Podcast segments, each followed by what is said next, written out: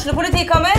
Ine Jansen er purk. Er du purk? The motherfucking bitch. Alt jeg vil, er å finne ut hva som skjedde med mannen min. Jon Carew. Er jeg sikta for noe? Iben Akeli. Det er du. Ole So, Lars Berrum og Big Daddy Karsten. Hvem sin side er du på, egentlig? Anette Hoff, Tone Danielsen, Kommer du fra Afrika? Jørnis Josef, Nesten. Kløfta. Trond Espen Seim, Det er synd å si det, men det var feil mann som døde. Purk. Premiere tirsdag på TV2 Play.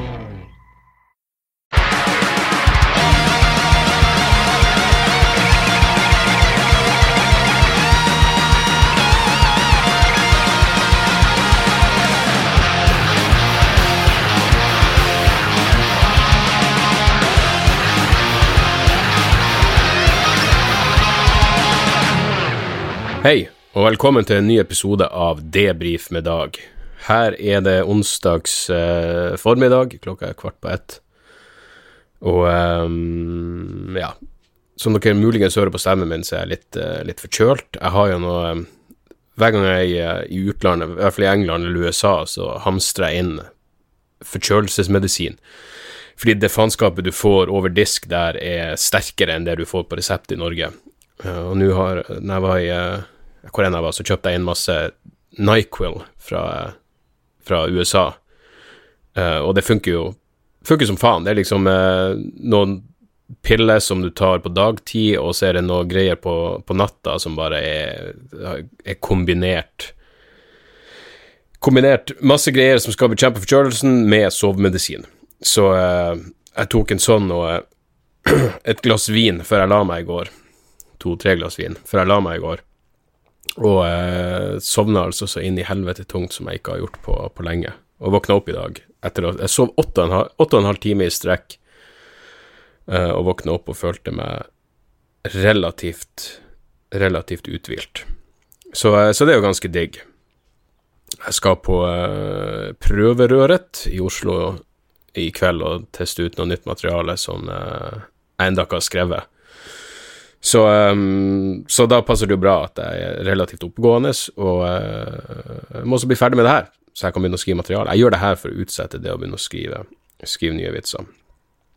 Men jeg er alene hjemme. Det kan jo også være en av grunnene til at jeg så godt i natt at jeg ikke hadde i bakhodet at jeg måtte opp og gjøre et eller annet i dag, til et bestemt tidspunkt. Um, jeg er alene hjemme fordi fruen og sønnen min har dratt nordover, fordi min kjære svigermor er veldig syk. Hun har vært Hun ble kreftoperert, og så uh, kom kreften tilbake, og nå er det vel på det stadiet hvor Hvor det ikke er så mye mer å gjøre.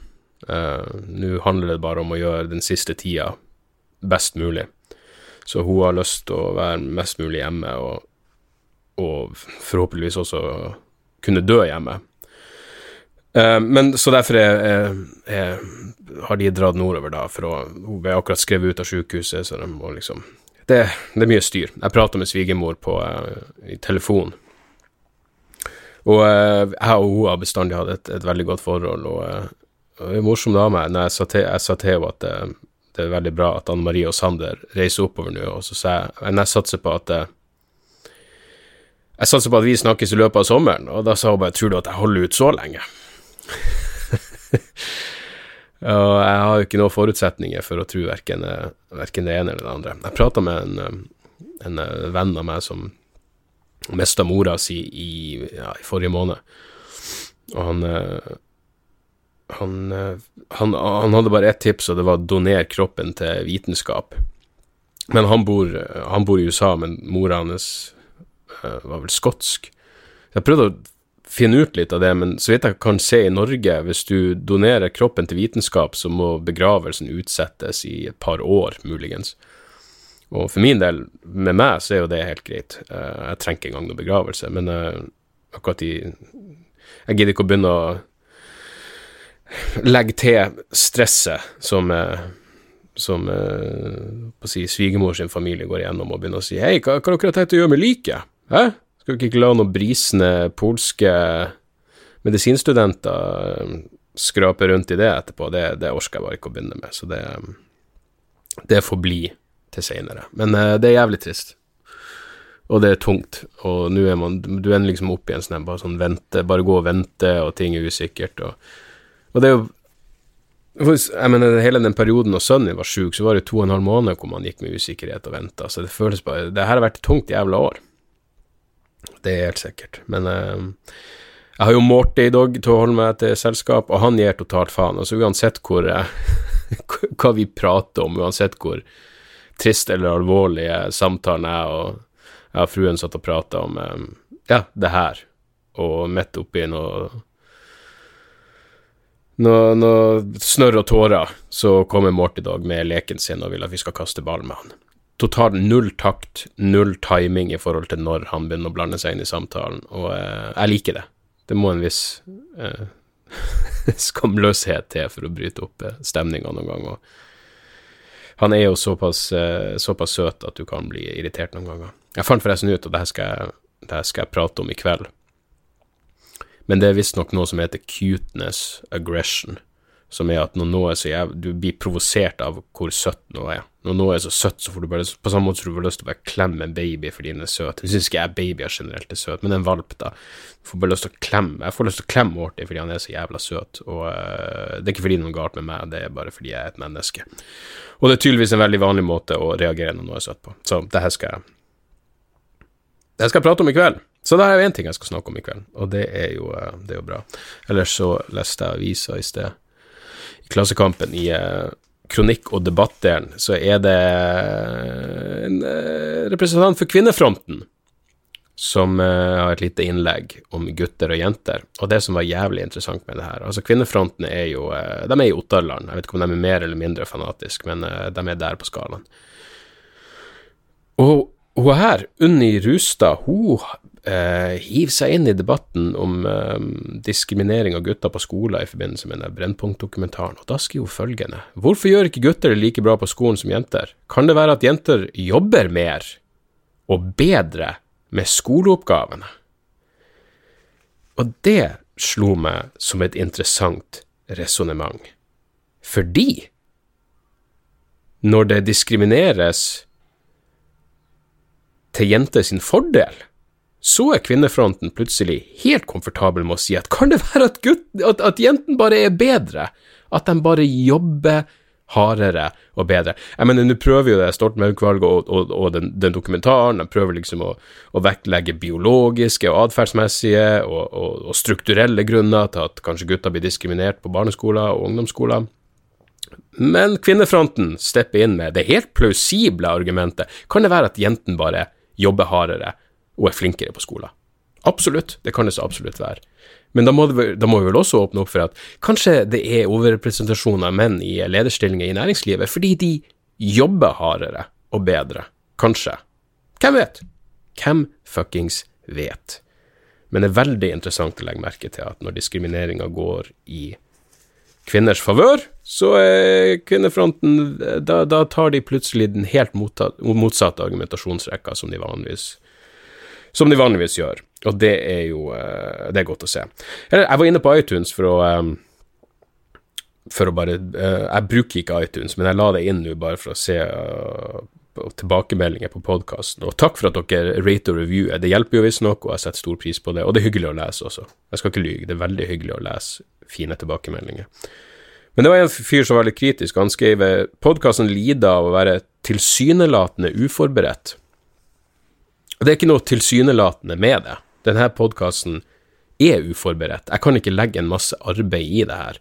Fordi eh, For det første er det ingen sponsorer. Og eh, jeg har ikke Jeg vet noen har tipsa om det er Patrion-greiene hvor man kan um, hvor folk kan bidra med et visst beløp i løpet av måneden. Og jeg, Det sitter langt inne å skulle gjøre noe sånt. Jeg mener, På den ene sida tenker jeg hvis jeg, hvis jeg starta et Patrion-prosjekt, så, så, måtte jo de som ble Patrion-støttere, få noe ekstra. For det, det, får jo jeg med de podkastene jeg støtter. Eh, per nå er det vel bare Very Bad Wizards og Making Sense med Sam Harris. Men det er noen grunner til at jeg gjør det, at jeg liker podkastene veldig godt, og du får en del bonusmateriale som du ikke får hvis du bare hører på den gratis. Så hvis jeg skulle starte noe Patrion, så måtte jeg selvfølgelig hatt noe ekstra materiale og kanskje steppa opp, eh, kanskje filma podkasten og sånne ting. Men per nå så gjør jeg ikke det. Og jeg, det her, det, jeg kan ikke legge mer arbeid enn jeg gjør i det her. Det arbeidet jeg legger i det her, er at jeg prater en halvtime en gang i uka, og så, eh, så må jeg skrive en episodebeskrivelse, og som jeg sender inn til moderne media. Og det er uforberedt. Det er en del av greia. Um, så, um, så, det er ingenting tilsynelatende tilsynelatende med det. Um, en annen ting jeg stussa litt på, var det Det er flere som har sendt meg det artikkelen om at, eller artikler om at oljefondet selger seg ut av, um, av cannabisaksjer, som de kaller det. Uh, og så vidt jeg kan se, så har Altså, siden nyttår har oljefondet tjent 446 millioner kroner på fem aksjer, på fem aksjer knytta til medisinsk marihuana, og det har de nå solgt seg ut av. Og da har jo alle de sedvanlige propagandaorganisasjonene, Aktis og Norsk Narkotikapolitiforening, de har vært ute og oh, det her er topp, topp, selg dere ut av de ene ugudelige narkoaksjene deres'. Vel, det er kanskje verdt å tenke over at, for det første eh, så vidt jeg kan se, så er oljefondet fortsatt investert i selskapet BlackRock. Ok? Og BlackRock, dem produserer blant annet klasevåpen, atomvåpen og landminer. Så det er det helt greit at vi, fellesskapet, tjener penger på. Men medisinsk cannabis, hvordan våger du å investere i det? Jeg mener, gud forby at cellegiftpasienter skal få økt appetitt og hvordan våger noen å lage noe som kan virke smertedempende på MS-pasienter? Hva faen er du for noe, Mr. Oljefond? Eller Mrs. Oljefond? Hva er du? Er du medmenneskelig? Hæ? Det er helt greit å tjene penger på landminer og klasevåpen, men medisinsk cannabis, det får da faen meg hver grense. Så bra gjort, oljefondet, for at dere omsider tok et prinsipielt jævla standpunkt, hvor enn irrasjonelt tåpelig, bakstrebersk og på feil side av historien, det jævla valget.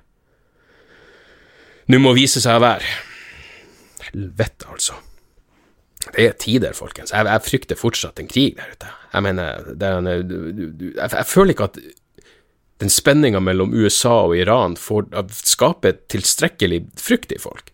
Jeg, men jeg har nok en sånn optimisme-bias jeg også, hvor jeg, jeg, ser ikke for meg noe storkrig der, men hvis du legger til de, de, de jævla aksene de, de, de, de lagene som står mot hverandre nå For hvis du legger til eh, spenninger, handelskrig mellom USA og Kina, så har du faktisk på den ene sida har du USA, Israel og Saudi-Arabia. Og på den andre sida så har du faen meg Russland, Kina og Iran. Det er, det er mye som står på spill her. Og i tillegg har du da en, en ren jævla psykopat som John Bolton, som eh, nasjonal sikkerhetsrådgiver, er vel tittelen hans i USA. Jeg så at John Bolton nå hadde vært ute og for, for, eh, Igjen, av og til så hører jeg ting og så tenker jeg det høres ganske alvorlig ut, men jeg skjønner ikke helt hva det betyr. Men jeg hørte på et intervju med en fyr som prata om eh, den økonomiske situasjonen i Iran og sanksjoner mot Iran. Han sa at økonomien i Iran har krympa med 5 det siste året. Eh, og til sammenligning så krympa den amerikanske økonomien med 1% under finanskrisa i 2008. Og tenkte jeg wow, det må jo være ganske jævla alvorlig. Men så var John Bolton nå ute og klaga på at eh, For du har jo Nord-Korea, selvfølgelig, er jo en del av denne jævla aksen, og de har jo atomvåpen og Spennende. Spennende. Men John Bolton var ute og kritiserte Nord-Korea for å ha brutt en eller annen FN-resolusjon. Jeg tenkte bare, Plutselig så bryr faen meg John Bolton seg om FN-resolusjoner. Og jeg bare husker at i den Irak-krigtida så hadde han et eller annet sykt en eller annen syk uttalelse om, eh, om FN, og jeg fant den. John Bolton sa There's no such thing as the United Nations. If the UN Secretary building in New York lost 10 stories, It wouldn't make a bit of difference. Så bare fjern, ti etasjer, det er ingen verdens ting å si, det er ikke så jævla nøye med FN. Da var det ikke så nøye med FN, men nå er det plutselig nøye med FN, hvis det tjener dine interesser. Han er faen meg en så sykt skummel fyr. Men hvis du googler John Bolton og ser på det dumme ansiktet og den dumme barten, så ser han Han ser ikke skummel ut, men helvete, altså. Han er en uh, Han er en uh, effektiv jævla politiker, og det er Det er skummelt. Det er skummelt å tenke på. Så ja. Ellers så var jeg og uh, Jeg og Sander hadde, jeg hadde en interessant opplevelse. Jeg skulle, jeg skulle ta Sander på sjakken, og så um, Jeg har jo nevnt før at uh, Veronica Orderud bor i nabolaget. Og, og så møtte jeg Sander, altså hun, hun bare Hun bor rett der borte. Rett der borte. Jeg kan øh, Nei, hvis jeg, hvis jeg, trente, så kunne jeg holdt pusten og gått bort til Veronica Orderud herifra. Uh, men uh, når jeg nevnte at Morty Dog hadde lekt med hunden hennes, så, så lurte Sander på hvem hun var, og så forklarte jeg det. For jeg er en tilhenger av å, å, å, å fortelle unger ting, og være åpen om ting, og ikke prøve å så jeg bare sa, forklarte hvem hun var, så ble han veldig nysgjerrig, og så forklarte jeg liksom den saken og, og alt det der. Men uansett så går vi forbi henne, og så sa jeg det var, det var Veronica Orderud. Og da ble han sånn Hæ? Og jeg merka at han ble litt satt ut, og sa hva, hva syns du det var rart? Og sa han ja, det er rart å ha vært og gått forbi og vært så nært noen som har sittet i fengsel så lenge. Uh, og så sa jeg Så poenget mitt med det her er at det førte til en jævla interessant samtale. Jeg og han hadde en ordentlig samtale om fengselsstraff og rehabilitering og jeg, liksom, jeg forklarte han det at eh, Men ikke sant, du, her, ideen i Norge er at når du har sona straffa di, så må du få lov til å starte på nytt. Så, så, så, sånn er det. Jeg prøvde selvfølgelig også å forklare at hun, ikke er farlig for folk flest. Og sa han hvis noen dreper noen for penger, så er de farlige. Hvis noen er villig til å få noen drept for penger, så er de farlige. Og jeg bare ja, du har poeng der, men og så begynte jeg også å forklare deg at, de, altså at, det er etterforskning på saken, hun mener at hun er skyldig dømt og alt det der. Så det, det, poenget mitt det, det var ført, Vi prata om det hele veien til sjakken og på veien hjem igjen fra sjakken. Og liksom bare hele ideen med hva er poenget med fengsel, og, og ikke minst, kan du tilgis for um, Kan du tilgis hvis du har tatt livet til et menneske, og, og rehabilitering og straff og da slo det meg, det her er det Når, når, når, det er snakk om kritisk tenking på skolen, så er det ofte sånn at ja, kritisk tenking burde være et eget fag, men det ville aldri fungert.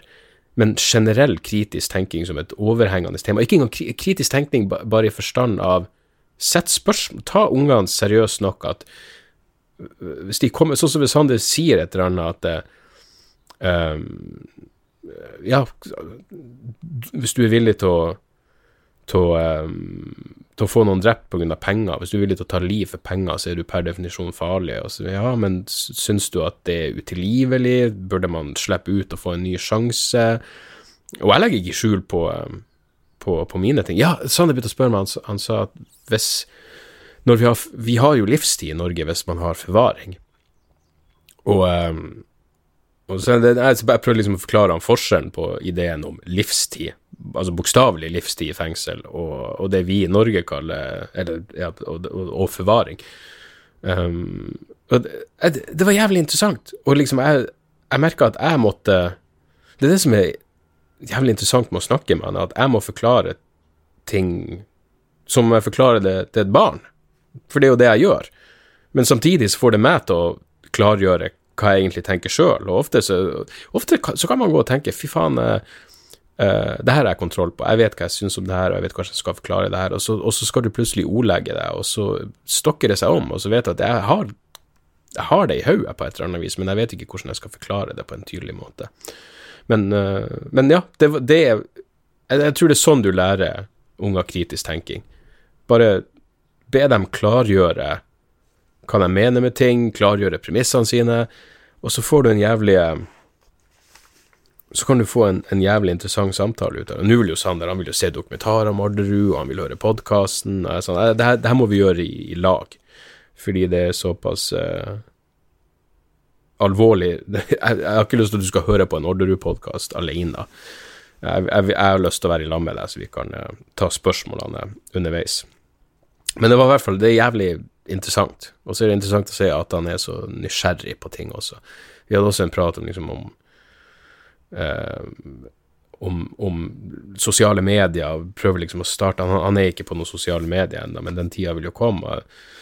Prøvde å forklare han det der med, med algoritmer og hvordan man styres i visse retninger. og og, og, og, ideen om at eh, ja, hvis du googler et eller så får jeg plutselig opp en masse reklamer for akkurat det samme, både i Instagram og på gmailen min. Og, og da sa Sander ja, er det sånn som YouTube som anbefaler videoer? Så ja, det, egentlig, det fungerer i teorien på, på samme måte. Så, uh, og igjen, da får jeg liksom jeg klargjort hva jeg Det er rambler on her, folkens, men jeg, jeg syns det er interessant. Det er interessant å, å snakke med et ungt sinn om, om ting som man, uh, som man er interessert i.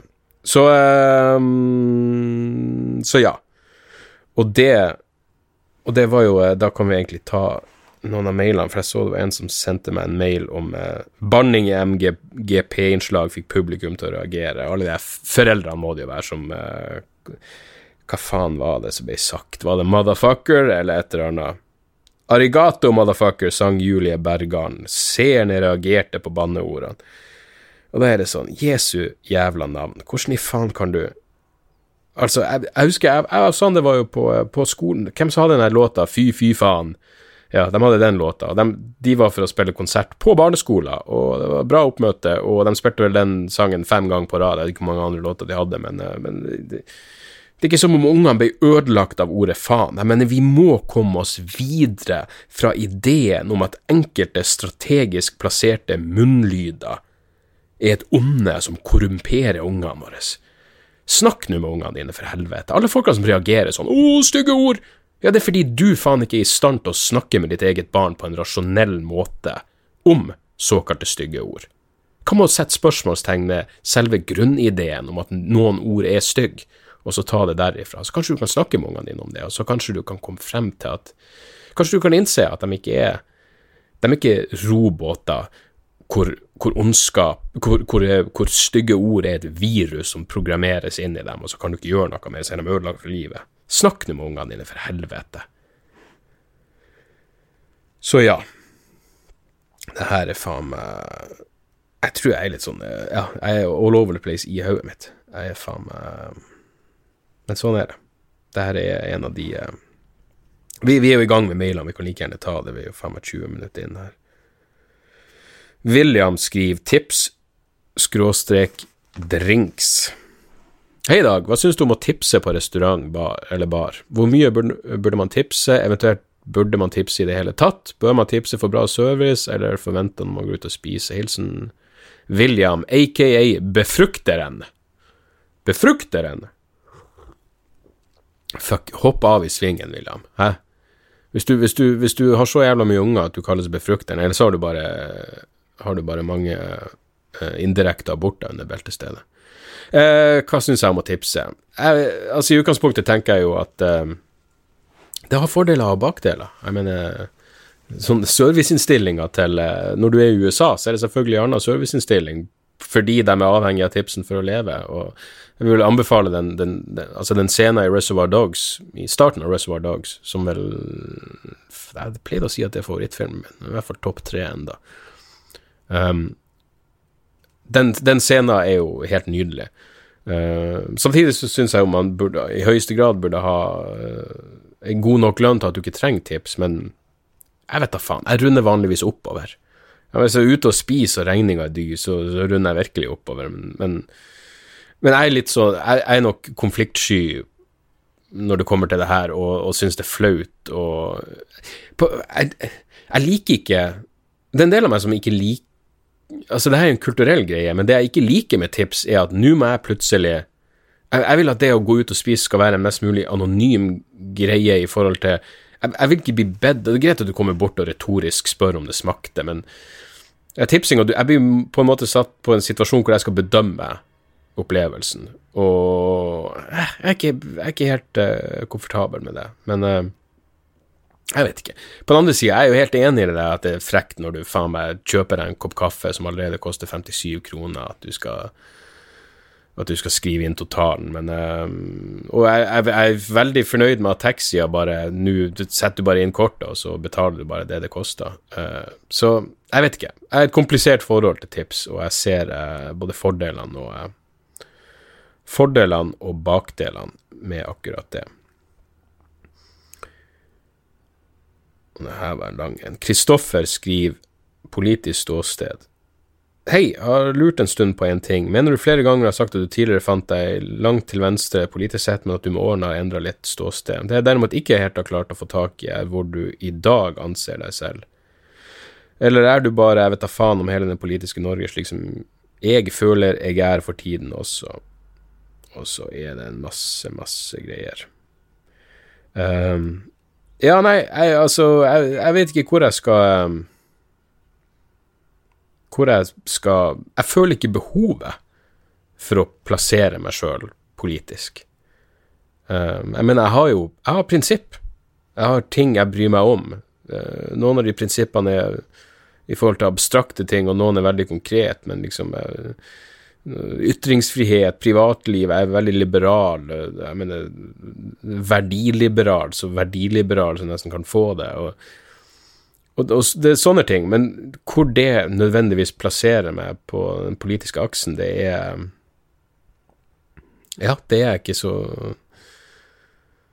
det, det, det opptar meg ikke så veldig. Jeg, mener, det, jeg liker å i, dialogisk eh, som kom ut i går, dialogisk podkast som kom ut i går, så diskuterte, diskuterte vi jo det å være skeptiker, og hva det betyr, og så og snakk om at en skeptiker bare følger dataen din leder. Jeg, jeg, liker det, og jeg liker også jeg liker tanken på å tro at jeg er, er rasjonell, men jeg er som, samtidig et menneske. Og som jeg vel sa i den podkasten, av og til så er man selvmotsigende, men det er en del av det å være menneske. Sånn som det, og det, Eksempelet jeg nevnte, som jeg står for, the trolley problem, dere vet hvor ja, hvordan utgangspunktet det kommer Vil du, vil du, du ofre én person for å berge fem liv med Hva er det jeg snakker om nå? Hvordan faen kom jeg inn på the trolley problem? Ja, ideen er altså du, Det heter vel sporvognsproblemet. Eh, tankeeksperiment hvor du, du, skal se for deg sporvogn som er på vei mot en gruppe uskyldige mennesker, og så kan du endre sporet så det ikke drep eh, I stedet for å drepe de tre personene du var på vei imot, så skifter du sporet, og så dreper den bare én. eh, for eksempel. Jeg har bestandig tenkt ja, ok, så, men la oss si det, den spo, sporvogna var på vei mot å drepe eh, sønnen min. Da ville jeg skifta spor sånn heller drepte tre andre. Og det er jo på noen måter irrasjonelt, men samtidig så er det det mest rasjonelle og menneskelige du kan gjøre. Og jeg vil ikke være vennen din hvis ikke du heller vil berge ditt eget barn. Sånn er det bare. Uh, så, um, så, ja, det her er bare en måte jeg, jeg, jeg, vet ikke hvor jeg står, og det er ikke så nøye for meg. Jeg ender opp der jeg ender opp, og så er det fra sak til sak. Og på noen punkter vil jeg være uh, på høyresida, og i de fleste i de fleste saker vil jeg vel ende opp på venstresida, og, og sånn er det bare. Men ikke sant, jeg har Ja, jeg, jeg tror på ikke-aggresjon, og det er derfor jeg hele tida sier jeg vil ha et forsvar, ikke et angrep. Jeg syns man burde i, i, størst mulig grad ha eh, et, et, militær som fokuserer på å forsvare landet, ikke å, eh, ikke å bombe Libya. Så, um, så, ja. Det var mitt svar, Kristoffer, og uh, takk for mailen. Bare lære meg å arkivere de her med det samme jeg har uh, Med de samme jeg har svart på dem. Uh, ja, skal vi se, det var en annen Sander Skal vi se. Sander skriver til meg Hei, Dag. Jeg syns det kunne vært interessant å høre en kommentar om Jens Bjørneboes skrifter og tanker. Bare om du vil, altså. Tenker det kunne vært belærende å høre hva du har å mene om fyren og ideene.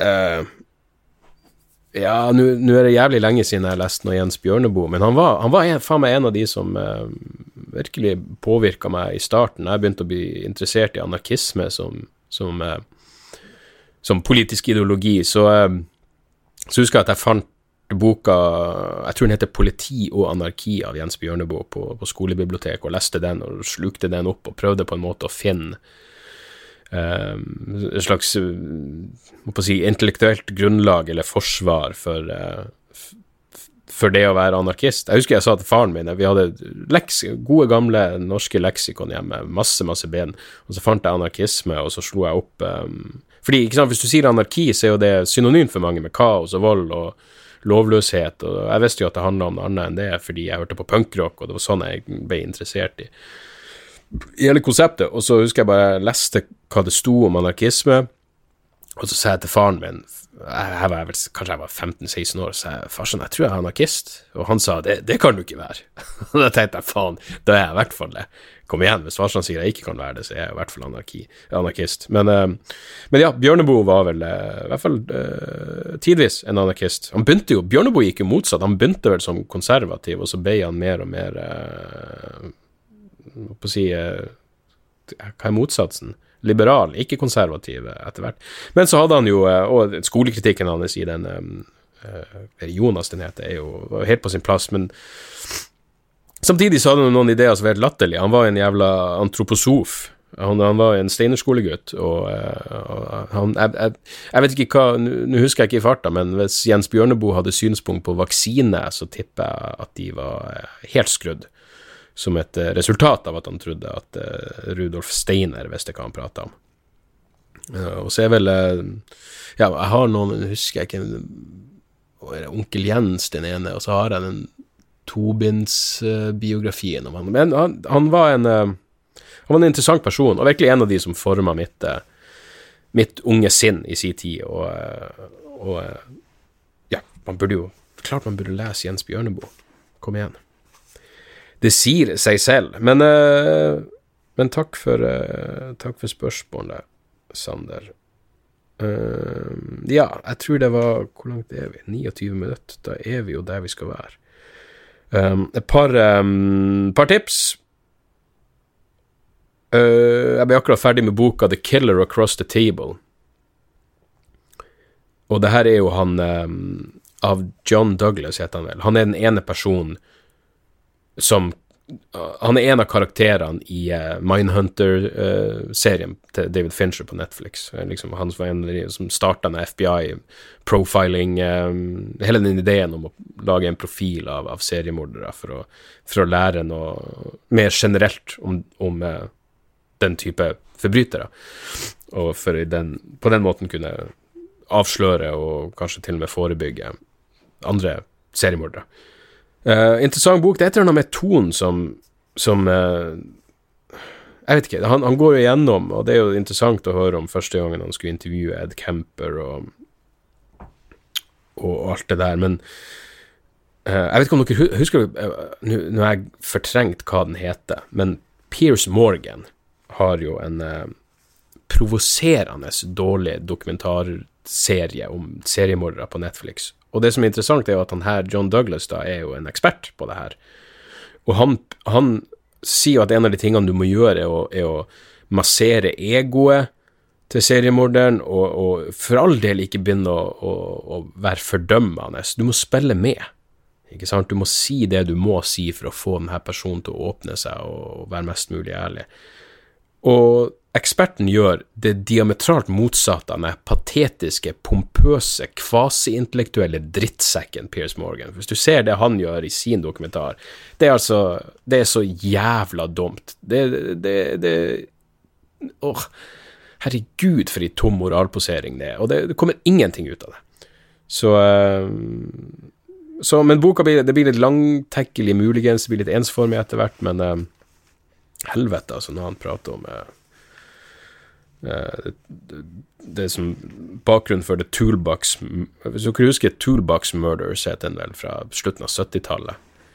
Det var jo en eh, Den var vel basert på var basert på uh, Lawrence Bittaker og Hva heter han? Roy Norris heter vel han andre. Og, som drepte noen noe unge jenter i, i California på, på 70-tallet. Og, og, det er visst noe opptak av det. Han, John Douglas der sier at han bruker litt av de lydopptakene de gjorde mens de drev og torturerte ofrene sine, men han klarer bare å ha, høre noen sekunder. Og uh, fy faen, det ligger noe det ligger noe sånn, hva det heter, transcript av en av de her opptakene. Jeg vet, Det kan godt hende opptakene våre ligger på nettet, men faen, altså. Det, det, blir for mye for meg. Men jeg, jeg leste en av de her transcriptene av uh, mens de holdt på å torturere ei ung jente, og hvis ikke det er et uh, et skriftlig argument for dødsstraff, så vet ikke jeg. Men han er jævla fyren, han er jo enda ikke Han lever jo ennå. Han er enda ikke henretta. Og nå er han vel 75 år. Men uh, Ja. Det, men uansett, hvis dere er interessert i seriemordere og likte Mindhunter og alt det der, The Killer Across the Table av John Douglas er, er verdt å sjekke. Ellers så så jeg den filmen uh, Us av, av, Jordan Peel. Det var han som lagde den Get Out. Den um, Get Out var Jeg syns det var en kul film, men jeg husker jeg prata med en, en, en, en, mørkhudet komiker som fortalte at han tok syre, og så dro han og så Get Out på kino alene. og det å skulle dra hjem fra Kina etterpå, for da var han jo faen meg i totalt paranoid modus når det kom til alle hvite mennesker han så. Så han var livredd for å komme seg hjem. Hvordan i faen skulle han komme seg hjem nå, når alle de hvite galningene er ute etter han? Uh, husker jeg sa til han, vel, hvorfor tok du ikke bare en taxi hjem? Det burde jo gått greit.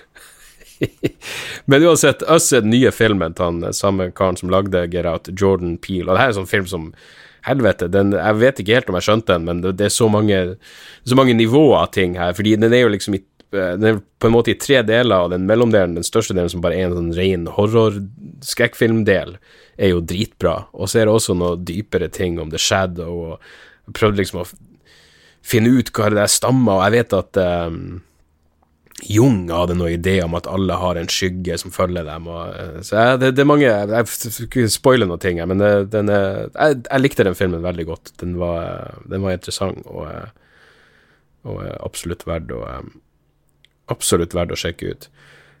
Så så jeg også en jævlig bra spansk film som heter The Invisible Guest. En thriller fra Jeg tror den er et par år gammel. Dritbra virkelig kult bygd opp, og sånn du blir skikkelig sugd inn i, og så er det sånn Fuck, er det gått 1 time og 50 minutter? Helvete. Det, ja, nei, spansk, det er mye bra spansk film der ute, og, og, og den kan Den kan så absolutt anbefales. Og så et par musikktips helt til slutt. Uh, det, er vanskelig å vite hvordan jeg skal uttale det her. Jeg tror det er mis, Misthyring, uh, et islandsk black metal-band som er helt, uh, helt jævla fantastisk. Uh, grunnen til at jeg ikke helt vet nei, uttalelsen, er jo at det, det, er altså en MIS, og så er det en sånn blanding av en P og en T. Jeg vet ikke om det er en islandsk bokstav, og så er det yrming. Men skiva heter Algleimi. A-l-g-l-e-y-m-i. Algleimi. De synger jo på islandsk, men faen for ei skive, altså. Helvete. Det er lenge siden ei sånn black metal-skive har truffet meg så umiddelbart, og så voksen bare på meg. Og jeg, jeg, tror det er den type eh, black metal-skive som folk som ikke nødvendigvis liker black metal, kan like. Altså, du Fordel hvis du liker heavy musikk, men, men uh, satan. Jeg blir overraska hvis ikke den er på min topp fem. Uh, knallskive. Det er jævlig mye bra islandsk black metal der ute, men uh, det her er nok det beste jeg har hørt fra det, fra det lille landet. Dritbra. Og så må jeg selvfølgelig til, eh, anbefale den nye Black Mountain-skiva, som heter Destroyer. Knall. De er jo virkelig, som Egon Holstad sa, et, et albumband. Altså, det gir nesten ikke mening å høre enkeltlåter. Du må liksom høre hele skiva, og det er jo noe som er Det går jo imot alt i 2019. Et album hvor du må høre, som, som du må høre fra start til slutt i ett. Hvem har tid til det? Nei, men det burde du virkelig investere tid i. Og, eh, og det, ikke sant, det, her, det, tar lang tid uh, før de skivene deres setter seg, så um, jeg, jeg, har vel kanskje hørt igjennom fem-seks fem, ganger, men jeg er nødt til å høre den adskillig flere ganger før jeg former meg en mening. Men uh, jeg liker det jeg hører, veldig så jævla godt. Så, uh, så, sånn er det, folkens. Det var det jeg hadde denne uka. neste uke skal jeg til Bodø. Klubbgigs i Bodø. Og eh, billettene går unna, så hvis du har lyst til å få med deg et av de showene, så burde du få ræva i gir. Vi skal Vi står 6. Eh, juni på Nordlendingen, 7. på Skubare, og eh, 8. juni på Rognan. Jeg husker faen ikke hva den plassen heter. Bojakasja eller et eller annet faenskap. Bojakasja på Rognan 8. juni. Uh, det er meg og nydelige Hans Magne Skar.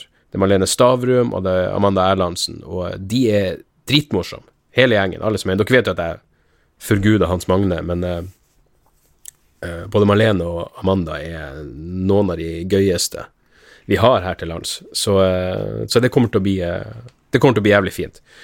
Uh, prøverøret i kveld, hvis du skulle gjøre det her i tid og føle for å uh, komme og ta en pils der. Showet er vel på, um, på utescena, etter så jeg har forstått. Og været ser bra ut, så det, det, ordner seg. Jeg må bare få noe faenskap ned på papir. Så uh, ja, takk for at dere hører på. Spørsmål, innspill, kommentarer, drapstrusler sendes til debrifpodkast.gmail.com. Podkast med C. Det her vet dere. rate and review, spre ordet. Jeg er glad i dere, folkens. Uh, nyt fuckings livet. nytt livet uh, mens man har det. Og så, uh, så høres vi neste uke. Tjo og hei!